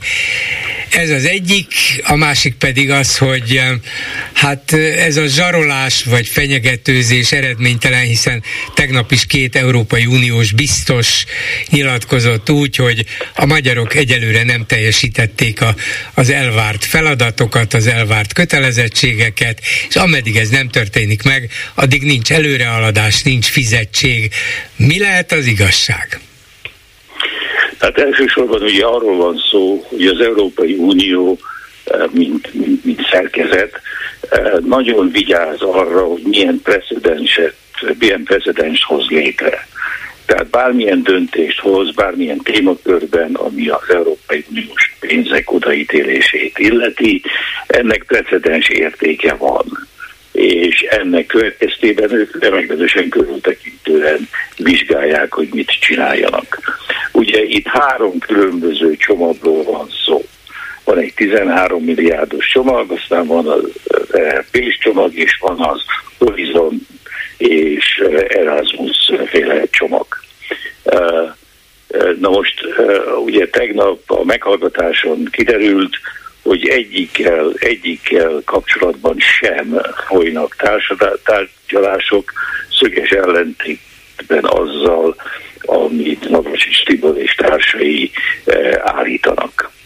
Tehát nincsenek tárgyalások, és ahogy azt eh, Hán biztos megfogalmazta, a labda az a magyar térfélen pattog, Magyarországnak a feladata a már világosan megfogalmazott követelményeknek a teljesítése, és ezen a téren az Európai Unió nem lát különösen előrelépést. Ez volt az ő riportja az Európai igen. parlament felé. De ettől, De ettől nem képzelhető még el, hogy von der Leyen asszony, a bizottság elnöke úgy dönt, hogy neki meg az uniónak fontosabb az, hogy legyen e, megszavazva a költségvetés kibővítése, fölemelése, és ebből lehessen az ukránokat a jövőben is támogatni, és hát ha Orbán köti az ebet a karóhoz, akkor még mindig kisebb veszteség őt néhány milliárd euróval kielégíteni. Hát eh, ha az Európai Unió engedne egy zsarolásnak, az nagyon gyorsan az Európai Unió végét jelenteni. Tehát az egy precedens lenne. Ez, ezt értek, ez, ez, ezt akarom kifejezni a precedens fogalmával. Tehát, tehát az Európai Unió nincs abban a helyzetben, hogy bármiféle zsarolásnak engedjen. És nem is fog. Uh-huh. Ez, ez egy kizárt dolog. Ráadásul a Orbánnak a sarolási képessége sokkal szerényebb, mint ahogy ő vagy egyesek elképzelnék. Lehet, hogy nem fogja megszavazni a költségvetést, vagy nem tudom micsodát, de ettől függetlenül a költségvetés meg lesz, az Európai Unió megy tovább, Orbán és Magyarország nélkül. Tehát itt, itt vannak megoldások, aki, aki azt hiszi, hogy egy állam tényleg zsaroló helyzetben van az Európai Unión belül, legyen az Magyarország, vagy bármelyik másik állam. Az, az, az nagyon téved, itt, itt erről, erről nincs szó. Uh-huh. Én azt hiszem, hogy a zsarolás gondolatát maga az Orbán kormány is már feladta. Legalábbis az új eh, miniszter eh, nyilatkozatai alapján úgy tűnik, hogy nem igazán gondolnak arra, hogy ők zsaroló képesek mhm. lennének. Uh-huh. Hát igen, vannak erre vonatkozóan másodlagos feltevések is, hogy hát lehet, hogy ez a zsarolási képesség valóban egy légvár és összecsuklik pillanatok alatt. Formálisan úgy tűnik, mintha lenne igazi vétójoga Orbánnak, de gyakorlatilag ezzel nem tud élni. Ám de itt van ez a várható lengyel kormányváltás, már pedig a választásokon győztes Tusk, ha megalakítja a kormányát, az első ígérete az volt, hogy gyorsan hazahozza Lengyelország számára is felfüggesztett uniós támogatási pénzeket.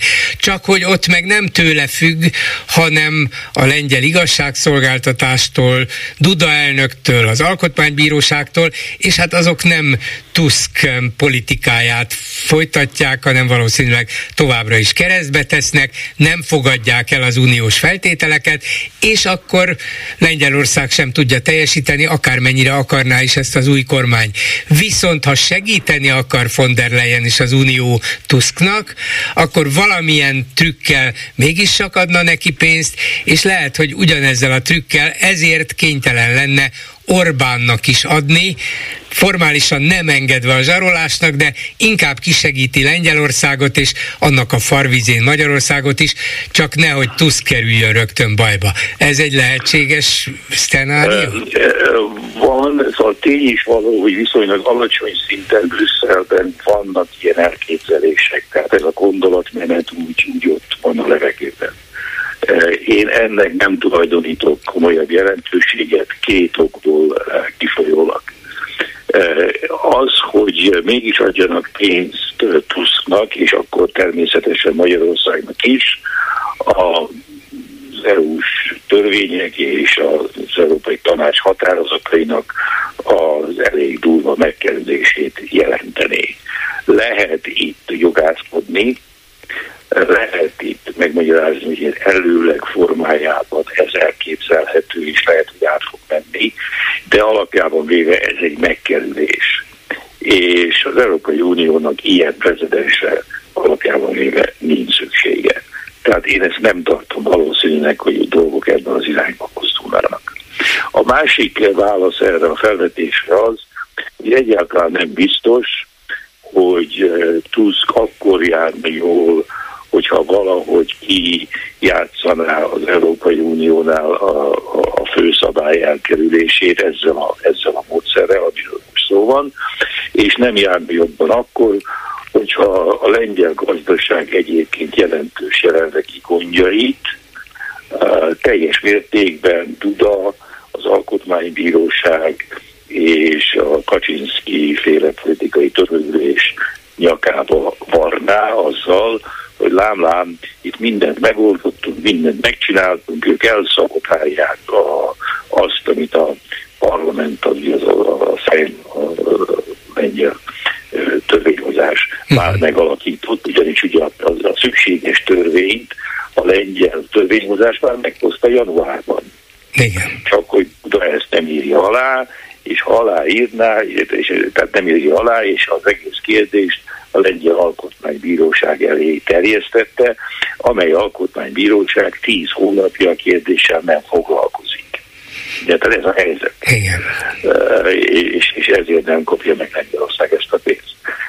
Dudának, Tusznak, ugye persze ez az ő politikai számítása, nem az enyém, de én feltételezem, hogy legalább annyira jól járna, hogyha azt mondaná, hogy a lengyel gazdaságot érintő gondok, és vannak gondok, a ukrán háború őket nagyon sokkal érzékenyebben érintette, mint Magyarországot, az, a, az Duda és az Alkotmánybíróság sara.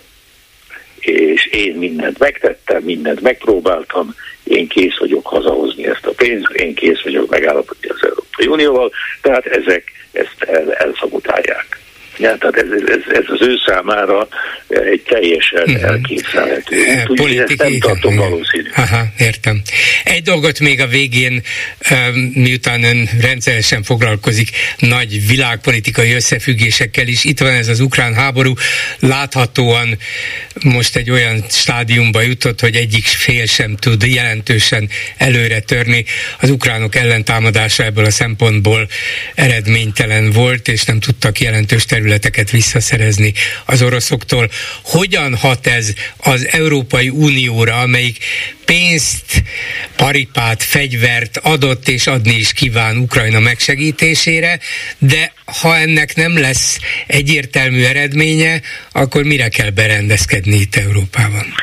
Hát ennek a helyzetnek már van egyértelmű eredménye, mert még akkor is, hogyha pad helyzet van, az orosz próbálkozás, hogy megbuktassa az ukrán kormányt és bekedelezze Ukrajnát, sikertelenül végződött. Tehát az igaz, hogy Oroszország esetleg elbe tudja kedelezni Ukrajna területének 18%-át, az az azt, amit jelenleg felügyel, de, de az is igaz, hogy ugyanakkor Ukrajnának megnyílt az ajtó az Európai Unióval való tárgyalásokhoz, ezt tegnap jelentette az Európai Unió hivatalos szinten, és a hivatalos tárgyalások elkezdődtek, és folyamatban van a majdani NATO tagságnak is az előkészítése. Tehát, tehát az úgy, az, az felképzelhető, hogy, hogy a dolognak a vége az lesz, hogy Ukrajna elveszíti a Krim félszigetet és a Donetsk egy részét, és ez, és ez a végmenet, kimenet a dolognak, ugyanakkor viszont csatlakozik az Európai Unióhoz és a nato És ezzel Ukrajna is nyerne, meg az Európai Unió is. Így van, így van, igen. Köszönöm szépen Róna Péternek, minden jót, viszont hallásra. Viszont hallás, minden jót, igen. Háló, jó napot kívánok, jó estét kívánok, inkább már este van. Háló.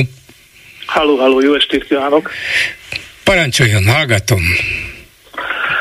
Az ügyben kívánnék egy néhány mondatot mondani, hogy ja, a mint, mint ha egy ismerős hang volna, nem Veres János? Veres János vagyok, jó estét kívánok önnek, Parancsoljon!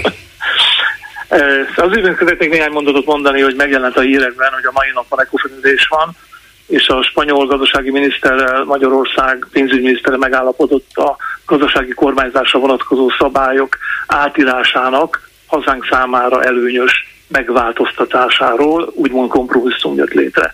Ugye ez nagyjából azt tartalmazta, hogy a hadikiadások többletét figyelembe veszik a hiányelszámolásnál, hogyha röviden akar összefoglalni egy mondatban. Igen. Na most azt gondolom, hogy két dolgot minimum érdemes itt megemlíteni. Az első, az, hogy Magyarország ebben a kérdésben tárgyal és határozott álláspontja van, szerintem ez egy helyes úgy mondom, hogy a nemzeti érdeket figyelembe vévő álláspont kialakítása az mindig jó. Ha még eredményt is érünk el a tárgyalások során valamilyen kompromisszum megkötésével, az meg még inkább üdvözlendő. Na már most, hogy az eredmény is arra vonatkozik, hogy a hadikadások többletét veszik figyelembe, ez elég soványkának gondolom magam részéről, azt is megmondom, hogy miért.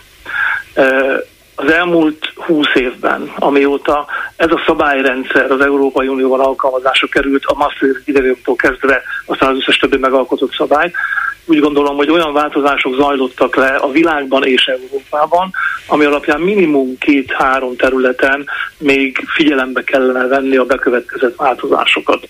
Szeretnék itt egyértelműen utalni arra, hogy azóta bekövetkezett igény, társadalmi elvárás a zöld fordulatra vonatkozóan is úgy gondolom, hogy a költségvetési szabályok átalakításánál figyelembe vehető, vehető körülmény, csak úgy, mint a társadalmi igazságosság megteremtésére vonatkozó szándékok és akaratok, amelyek szintén megjelentek elég sok országban, mondhatom nyugodtan, hogy Európa valamennyi országában. Ma még ez ezekben a szabályokban sajnálos módon úgy tűnik, hogy nem kerül akceptálásra és figyelembevételre. Úgy vélem én, hogy ugyanakkor ez már ugye az európai szociáldemokrata mozgalomban meglehetősen egyértelműen túlsúlyba került álláspont. Vannak országok, ahol ennek bizonyos elemét már sikerült is beépíteni a nemzeti jogalkotásba. Most Spanyolországra utalnék itt csak, és a többiekről nem beszélnék. De úgy vélem, hogy mindezek Magyarország érdekében is állnának, hogy mindezt figyelembe vegyük. Utolsóként a harmadik téma pedig a nyugdíjrendszerrel kapcsolatos jövőbeni kiadásai egy országnak. Ezt általában úgy szoktuk megfogalmazni, itt az egy nagyon jelentős olyan ki nem mutatott az az implicit hiány van, amelyet, amelyet figyelembe kellene venni a későbbiek során majd akkor, amikor a gazdasági kormányzás átalakításáról megszületik a döntés. Én azt remélem, hogy ez a mostani egyesség, ami létrejött, ez egy részegyesség, és az országok különböző véleményének a figyelembevétele után egy ilyen komplex megközelítés fog születni. Ugye a Covid-válság után, a 2008-as gazdasági válság után a szakértők abban már egyetértettek, amely egyetértés sok helyen megnyilvánult, meglehetősen jól van dokumentálva, hogy amikor létrehozták a Maastrichti követelményeket, és ahogyan azt érvényesíteni kell ezt követően az Európai Unión belül, az semmiképpen nem jó arra, hogy egy rugalmas gazdasági reakciót tegyen lehetővé az Európai Unió tagországaitól magától az intézményrendszerétől sem teszi ezt lehetővé. Ezt legjobban a Covid időszak bizonyította be, amikor is évekre fel kellett függeszteni ezen szabályok érvényesítését. Úgy gondolom tehát, amikor ez a gazdasági kormányzás megváltoztatására vonatkozó döntés megszületik, akkor minimum még azokat, amelyre én utaltam, illene figyelembe venni. Erre nézve már egy meglehetősen alapos tudományos előkészítő munka lezajlott újra kell értékelni a világ folyamatait, és azok a kritériumok, amelyeket Maastrichtban megfogalmaztak, ma már biztos, hogy nem szolgálják az előrehaladását az Európai Uniónak, így Magyarországnak sem. Uh-huh. Remélem, hogy a későbbiek során mindez sikerül majd, mint nemzeti érdeket érvényesíteni a tárgyalások során. Mint egykori pénzügyminiszternek, mert gondolom sokan tudják, hogy ön a Gyurcsány kormány alatt pénzügyminiszter volt, szóval mint egykori pénzügyminiszternek értem, hogy ezek a kérdések napi hát nem is mondom, hogy érdekessége, szóval lekötik a figyelmét, és gondolkozik azon, hogy mit kéne, hogy kéne, mi a jó, mi nem jó, és szerintem az is eszébe jut, hogy annak idején a Megyesi majd Gyurcsány kormány mennyit küzdött ezzel a bizonyos Maastrichti kritériummal, hogy ne haladja meg a 3% ot a költségvetési hiány, és milyen nehéz volt ezt betartani. Már akkor is voltak nyilván a magyar kormánynak jó ellenérvei, hogy ezt talán nem így kéne, nem ennyire mereven alkalmazni, és most is azt mondja, hogy a világ meg még inkább elment egy olyan irányba, hogy ezeket felül kéne vizsgálni. Ugye jól értem, hogy ilyen akár a régből is visszamaradt, vagy, vagy a régre is emlékező gondolatai támadnak akkor, amikor azt mondja, hogy na, milyen problémák vannak ma, és merre kéne tovább menni. Egyrészt akkor nekünk a tapasztalatunk valóban az volt, amit ön az imént elmondott, azzal egészítem ki, hogy mi akkor azzal érveltünk, hogy a felzárkózó országoknak bizonyosan más gazdasági körülmények között kell ezt a felzárkózást megvalósítani. Most csak egyetlen egy dologra emlékeztetném önt meg a hallgatókat is, hogy az autópálya építés extra költségeit Magyarország szerette volna érvényesíteni akkor, amikor ezt a bizonyos kritériumrendszert Magyarországgal szemben érvényesíteni akarták. Nem igazán tették ezt lehetővé akkor nekünk. Úgy gondolom, hogy szakmailag egyébként teljesen indokolt lett volna, hogy egy mondjuk néhány évtizedre megalapozott, megépített infrastruktúrát ne egy év alatt kelljen elszámolni az adott országok költségvetésében. Ez a kritériumrendszer akkor ezt tette csak lehetővé. De nem csak erről van szó, hogy az akkori keserű emlékek most visszaidéződnek, hanem arról van szó, hogy az eltelt időszakban egy rendkívül intenzív tudományos feldolgozása lezajlott egyrészt a 2008-as gazdasági válság keletkezésének, okainak, kezelési tapasztalatainak, és bekövetkezett a Covid-válság, ami szintén már mögöttünk van, és ma már a szakirodalom meglehetősen intenzíven megtárgyalta azt, hogy mi is volt ennek a tanulsága, mennyire volt természetes az, hogy a Covid-válságban elköltött fedezetlen pénzek később inflációban kell, hogy megjelenjenek valamennyi országban, Magyarországon kiemelkedően, de azért minden más európai országban is növekvő inflációhoz vezetett. Ez a fajta gazdasági kezelése magának a válságnak.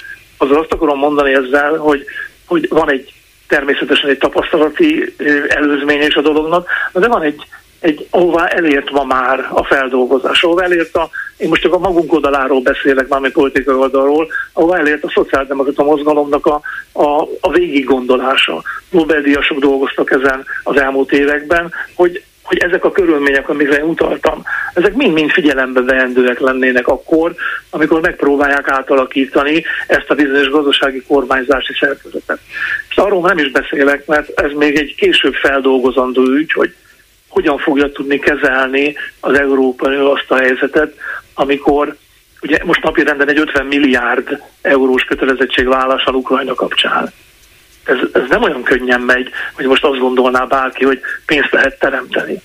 Ez nyilván a, a, a közös befizetett pénzből lehet ennek a fedezetét megteremteni. Igen, hát valahonnan máshonnét kell elvenni. Hát természetesen, Igen. természetesen. Vagy hitelt kell fölvenni.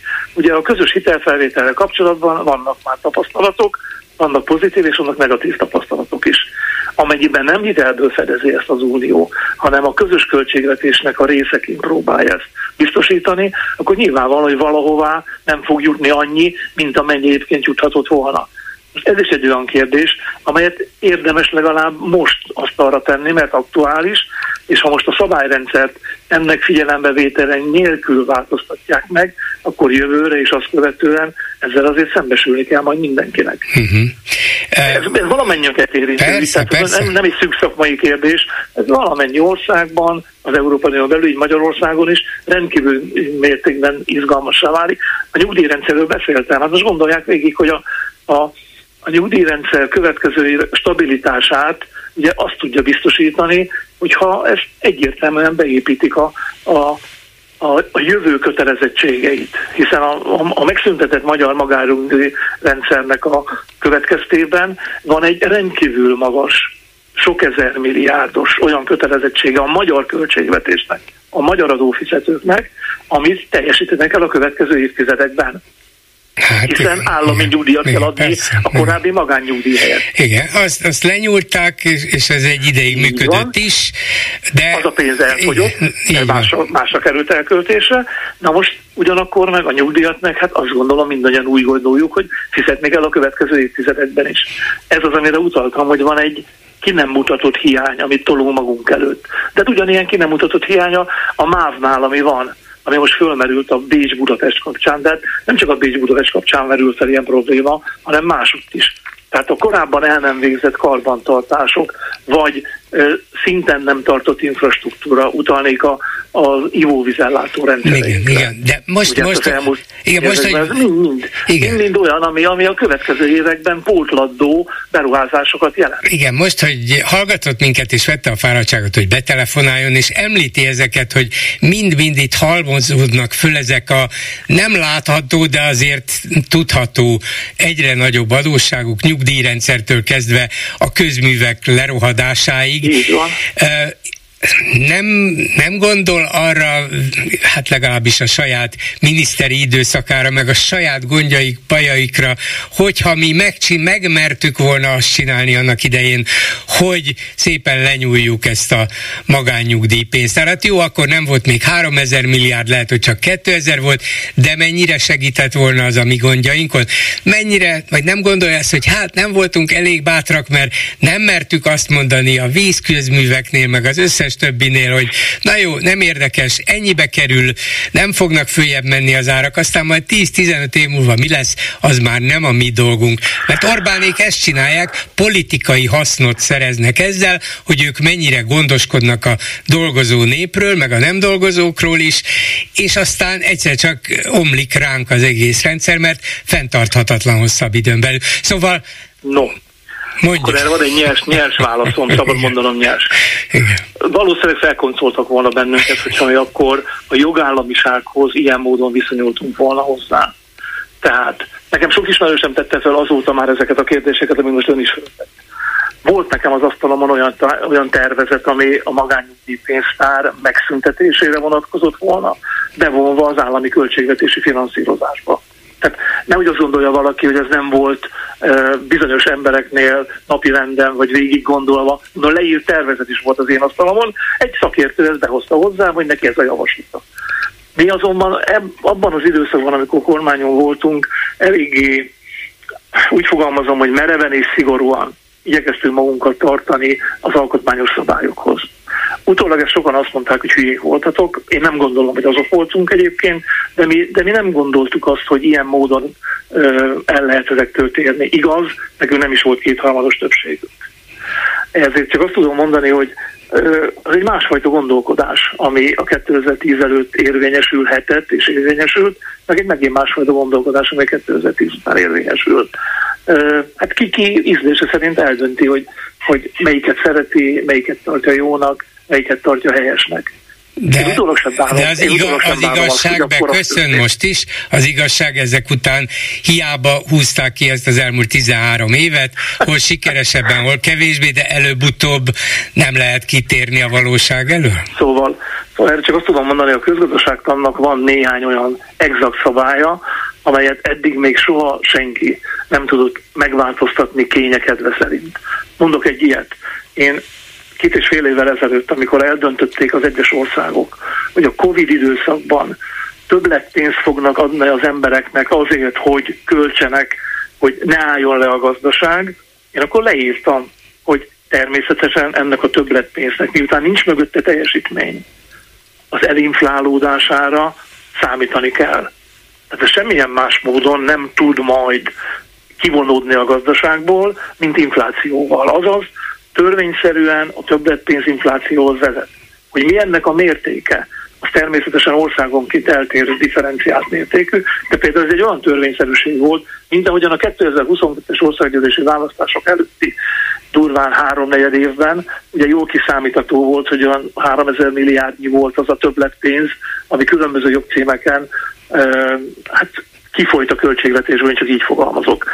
Alapvetően emberekhez került, nem ezt akarom mondani, meg is örültek az emberek, egy részét el is költötték, de hát ez nyilvánvalóan megint inflációhoz kellett, hogy vezessen, hiszen, hiszen ha nincs mögötte teljesítmény, nincs mögötte termelt érték, nincs mögötte áru, akkor nem tud a közgazdaságtan szabályai szerint másként ez a pénz visszakerülni oda, ahova vissza kell kerülnie. Na, a, a politikai újítás az, hogy ez nem az ő hibájuk. Nem ők csinálták, hanem a szankciós, meg az uniós, meg a háborús, persze. meg mindenki más. Persze, persze, persze, persze.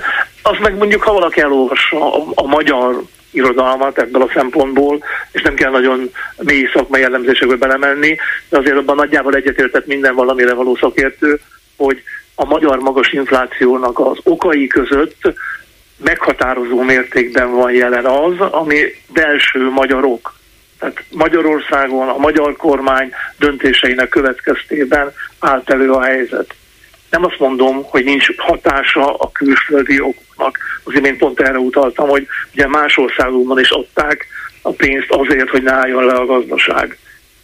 Ez egy része, de a, a többlet az nyilvánvalóan hazai döntésekből következő volt.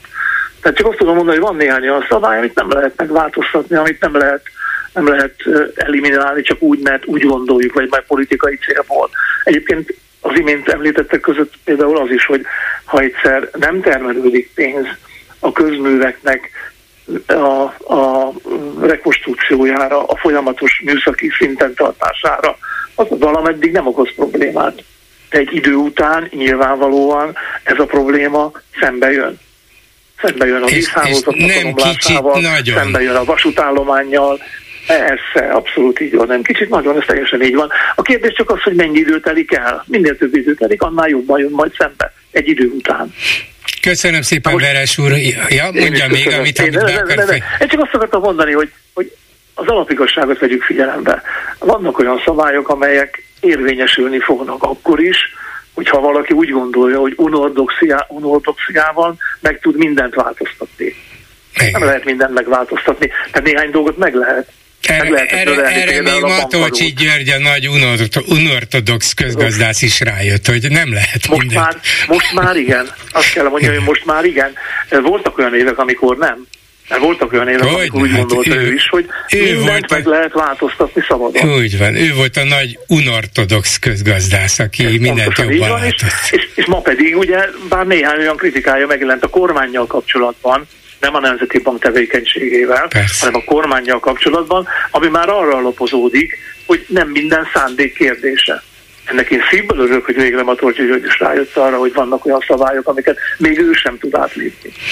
Köszönöm szépen, Veres úr, hogy figyelt és én telefonált, tegye máskor is. Minden jót, viszont hallásra. Viszont hallásra. Háló, jó estét kívánok! Jó estét kívánok, László Ferenc vagyok. Hallatszom, mert túloldala egy kicsit. Igen, nagyon jól hallatszik. Jó, e, három rövid pont, hogy be is fejezzük, nincs sok idő. Az egyik itt a Vinyánszki ügyel kapcsolatban, azt hiszem tegnap vagy tegnap előtt volt Bolgár úrnak egy némi töprengése valamelyik hallgatóval, hogy most a Elsimont azt a miniszterelnök rúgta ki, vagy eldöntette a... A miniszter is. Miniszter. Ezzel kapcsolatban nem tudom, hallott a Puzsérféle két alaptörvényről, de az alapján nagyon könnyen megfejtető a dolog, mert minden olyan dolog, ami érdekli a miniszterelnököt, abban ő dönt, és minden olyan dolog, ami nem érdekli, ott az dönt, akire rámutat. Na most itt az MMBTQ az egyértelmű olyan dolog, ami nagyon érdekli, mert ez alaptétel, alap axióma most, és hát ebből kifolyólag szerintem a miniszterelnök döntött személyesen. Igen. És érdekes lesz megfigyelni, hogy a Vidnyánszki is most elvidnyánszki lesz-e, nevekkel nem élik viccelni, de ahogy a Simonról elsimon lett, elképzelhető, hogy hát mondjuk úgy ezt a viccet, hogy... még nem szólt vissza, tehát lehet, hogy megúszta. Igen, vagy mondjuk ezt úgy viccesen, hogy Vidnyánszki jobbra el. De, de nem, nem, nem, hogyha tényleg ilyen előadásaik vannak, ki fogják tenni, hogy csak 18 éven felülieknek. Kizár dolog, hogy ezt ne értette volna meg, akár ő is, meg akár a többiek is. Igen, hogy ő nem minden... fog nem, nem, olyan. nem, nem, nem. Persze. A másik egy, egy hír, amit javaslok berakni a holnapi vagy valamelyik műsorban, nem no. tudom, hallott-e a kedvenc ö, ö, nemzeti sportfőszerkesztőnk, nyilatkozatát, amiben levezette, hogy a, levezette a Szoboszlait a Puskás Akadémiából gyakorlatilag. Tehát minden olyan siker, amit a válogatott elér, és hát nyilván a Szoboszlai is, az a Puskás Akadémiának köszönhető, és hát nyilván kinek köszönhető a Puskás Akadémia, az a miniszterelnök. Hát igen, Puskástól, igen, Puskástól Orbánon át egyenesen vezet az út Szoboszlaiig. Igen, igen, igen. Ugyan nyilván semmi köze nincs, főleg a Szoboszlainak a, a Puskás Akadémiához, persze. Magyar focihoz. Na mindegy, ezt javaslom témának. Jó, igen. És a harmadik? Harmadik dolog az az, hogy az adatónak szeretnék üzenni, hogy valamit rosszul csinál itt a reklámfronton, az, ha jól tudom, akkor ez komoly gondja a klubrádiónak, hogy el van zárva a reklámpiacon és ez időnként eszembe jut, az ATV-be szoktam időnként nézni a híradót, és a időjárás jelentés előtt mindig hosszasan sorolják, hogy ki mindenki támogatta a, a időjárás jelentést, és utána is. A múltkor megszámoltam, kb. 11 cég uh-huh. támogatta azt a másfél percet. Úgyhogy ugye gondolom, gondolom kitalálja, melyik tévére gondolok, akinek a rádiója elvitte az önök frekvenciáját. Hogyne, hogyne, hogyne, de tudja, hogy, tudja, hogy ki szervezi talán. meg annak a televíziónak és rádiónak a reklámbevételeit. Az Atmédia, amelyik egy mészáros érdekeltség, úgyhogy hát, ilyen egyszerű ez a dolog. Vagy, vagy oda tartozunk, vagy nem. Hát igen, igen, igen. Köszönöm, Na, köszönöm szépen, viszont hallásra. Köszönöm, viszont. És a Facebook oldalunkon mit írnak a hallgatók? Nyilván nem boldogok továbbra sem, mert szerintem ez az androidos applikáció még mindig nem működik, látom itt a hallgatói számokon. Szia Gyuri, köszöntöm a hallgatókat, és valóban nem. Most már de folyamatosan egyeztetünk a fejlesztőkkel, illetve próbáljuk őket gyorsabb munkára bírni de annyit tudok mondani, hogy ez a napokban meg fog oldódni mindenképpen ez a probléma. De én változatlan nem értem, hogy most mit kell, mit kell ezen fejleszteni. Valami elromlott, ki kéne javítani, nem? Ez így van, csak hogy, hogy hozzányúljanak, illetve belenyúljanak, az egy kicsit bonyolultabb, mint... Ö, szóval nem ki kell cserélni egy alkatrészt? Nem, egy hivatkozássort kell nagyjából megfelelő helyen pontosan átírni. Uh.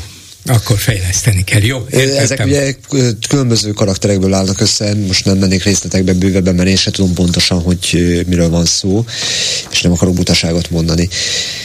Uh, ami a kommenteket illeti, két uh, téma, ami, amire felfigyeltem. Ma is tanultam a szállodaiparról.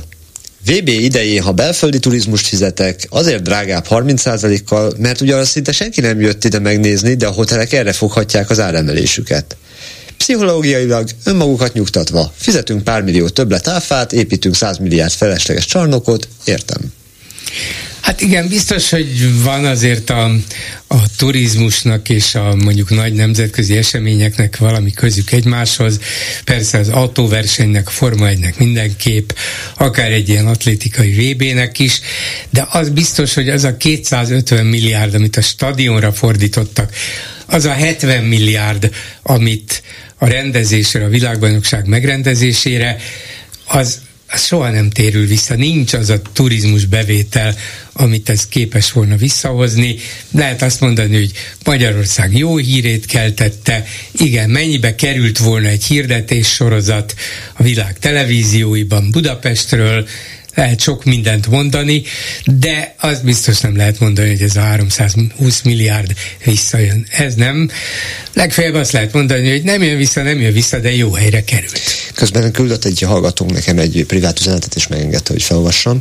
Na. Ő például azt javasolja, hogy addig, amíg a probléma el nem hárul az applikációnak, addig a My Online rádió oldalán, felületén csatlakozzanak ránk, és hallgassanak minket tovább. Hát igen, csak ahogy tegnap is mondtam, azok, akik az androidos appokon keresztül hallgatnak minket, és most nem tudnak hallgatni, ezt az jó tanácsot sem tudták meghallgatni. Mm. Ha csak valahol máshol nem figyelnek viszont minket, annyi... akkor viszont már tudják a megoldást. Viszont az alkalmazásunkon meg lehet figyelni a, a híreinket, és ezeken a felületeken ugyanúgy ott van a tájékoztatás, uh-huh amin, amin az egyéb forrásainkat Hát igen, ha, mi alka, ha mondjuk a mi honlapunkra fölmennek, akkor megtalálják, csak lehet, hogy azok, akik hallgatnak minket, nem gondolják, hogy a honlapot kell keresni. Mindenképpen viszont aki az alkalmazásunkat hallgatja, meg tudja nézni, tehát vissza tud mm. görgetni ezeken, és meg tudja nyitni ezeket a, a híreket. Remélhetőleg ezt meg is teszik. Aztán a másik téma, Schmidt Mária Schmidt Mária írt, Kósalajos megbeszélt, többszörösen összezett mondatokból alfától omegáig mindent belekevernek, háborút, migráns rezsit, sót, borsot, hogy az olvasó, hallgató elzsibbadva érzékelje, hogy mit, valamit kapott. A tartalomra már nem fogja felkapni a fejét. Hát én azért fölkaptam. Igen, a több kommentelő is úgy van vele, hogy Schmidt Mária ügyében egy kérdésként teszem fel, amit állít a kommentelő. Felmerülhet, hogy a történelem tudomány terén szerzett diplomájának vissza, visszavonják esetleg? nem, ez nem merülhet föl. Viszont egy másik gondolat, ami nagyon tetszett, olvasva Schmidt Máriát, sajnos Magyarország súlyos vereséget szenvedett a Lipót mezői csatában. Köszönöm szépen, a megbeszéljük. Mai műsora ezzel véget ért. Készítésében közreműködött Zsidai Péter, Lőrinc Csaba, Erdei Tünde Leocki Miriam és Horváth Ádám, Bolgár Györgyöt hallották, viszont hallásra holnap. Most pedig jön az Esti Gyors. Esti Gyors, a hírek háttere. Jó estét kívánok, Sámeci János vagyok, ez itt az Esti Gyors, a szerkesztő Józsa Márta. Bolti dolgozóként jobban lehet keresni, a gyereknek folyton elmaradnak az órái, már az is felmerült, hogy az egész pénteki napot megszüntetik, annyira kevés a tanár. Mesélték a Hollandiában élő barátaink. Mondjuk mesélték azt is, hogy a gyerek 18 éves korára négy nyelven fog tökéletesen, és még kettőn úgy, ahogy beszélni, és kacsalában forog a vidéki körzeti iskola is. Szóval nem fenékig tejfel az élet ott sem, de azért na, a várható élettartamuk nem néz ki rosszul.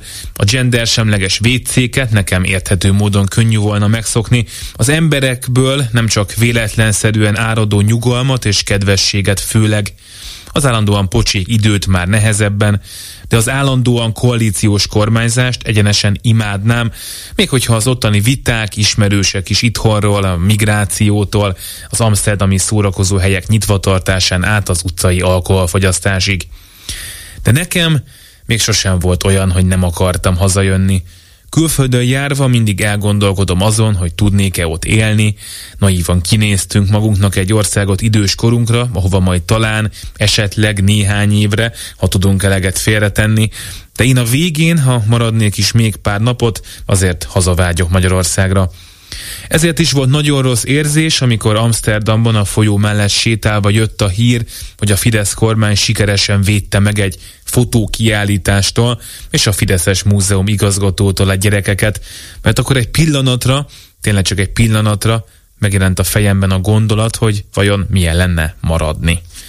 Aztán hazafelé a repülőtéren jó volt látni, hogy mennyi magyarnak sikerült kijutnia velünk együtt Hollandiába.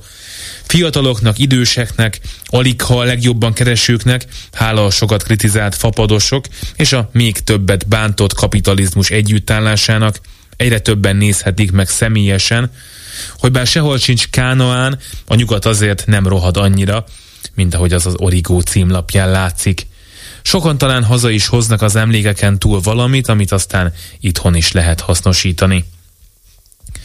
Amikor elköszöntünk a barátainktól azzal, hogy jó lenne majd találkozni, ők mondták, hogy ahhoz bizony nekünk kell mennünk hozzájuk. Ők már évek óta nem jönnek haza, túl régóta vannak kint, és nem nyúlt utánuk az ország, amelyiknek szüksége lenne rájuk. Jó lenne, hogyha ez másképp lenne azokkal, akik mostanában mennek ki. Jó lenne, ha senkinek sem jutna eszébe, még egy pillanatra sem a magyar híreket olvasva, hogy többé haza se kéne menni. Esti gyors, a hírek háttere.